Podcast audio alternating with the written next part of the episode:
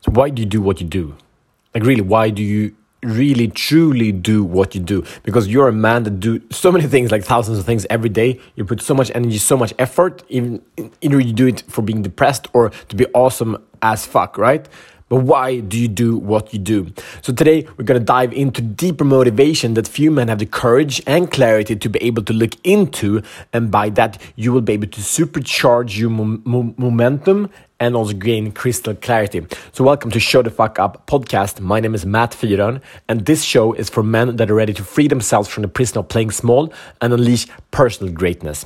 We do this by mastering the four areas that creates meaningful life, and that is purpose, that is passion, that's power, and that is profit. Today, we dive into the area of purpose.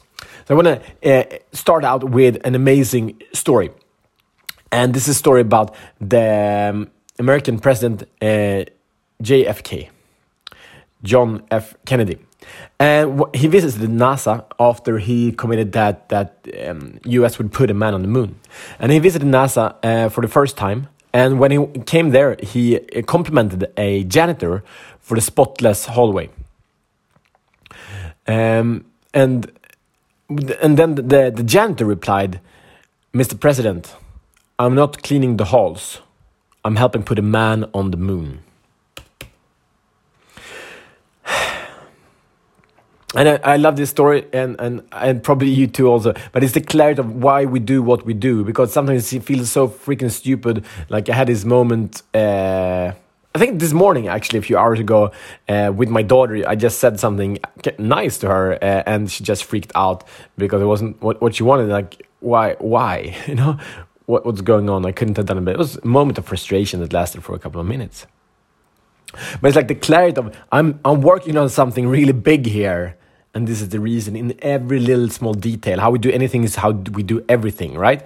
So whenever how you relate to yourself how you speak to yourself in the day when you're tired in the day you're you're you're, you're clear you're stepping into action you're in service you're you are needed and then a day where you're not where it's only you and and and you know that's like well if you want to see the, the character of a man see what he does when he's by himself right so so there's this depth and we all have it. You every man has it and, and when i coach men a lot of guys can actually see okay i'm taking care of a need or a desire or a fear that was created like decades ago.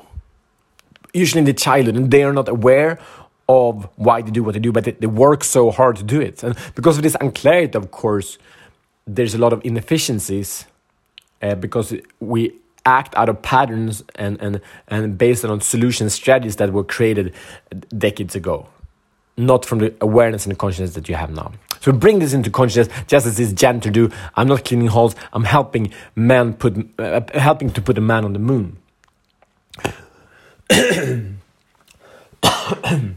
Excuse me. So there are many levels on this. For me, I'm on on a, my bigger mission that invite you. You're supporting just by listening. I'm inviting you to it as well. It's to free men, women, and children of the world from abuse. Eliminate all abuse in the world of women, men, and children.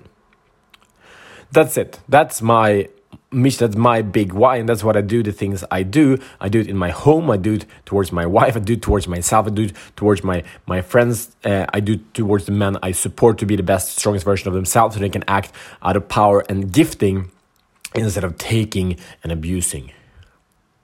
But what is that one thing? And i don't want to, you don't need to get creative. You don't need to come up with something so that that mission, as I explained for myself, that is not a mission that comes in a way of it struck me and it's a new thing. But actually, it's just an explanation of everything I've been doing basically since I was born. And I can see every action I've been taking, every interaction, every conversation, and every job I've had, any any promotion I've gotten or any prize I've won has been with that as a background. But I didn't realize it until like a year ago and since then, it becomes much more effective and it's getting more and more effective for every day.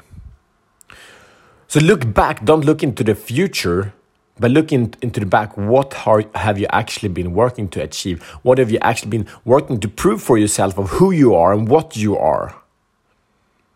So if you look outside from yourself, you know, from the perspective of, of not knowing who you are, but if you would watch yourself, it's a very, very powerful exercise. We do it all the time in coaching. If you would see yourself from the outside and see a man doing the actions, living the life, speaking the words that you speak, what would you say about such a man? What would your judgments be? What, would, what in what way would he inspire you? And from this place, you will be able to get more clarity on the reason why you do what you do. So that's it. Your mission, should you choose to accept it, is to track back 10 different big events, good and bad events that happen throughout your life. And see what do they have in common? What is the red thread? And what are you always working to accomplish? I invite you to send your reflections, send your insight to i at showtfapp.com and share your thoughts. It's i at showtfapp.com com. It comes straight to me, and I will uh, happily reply to you. Uh, and that's it. See you tomorrow as better men.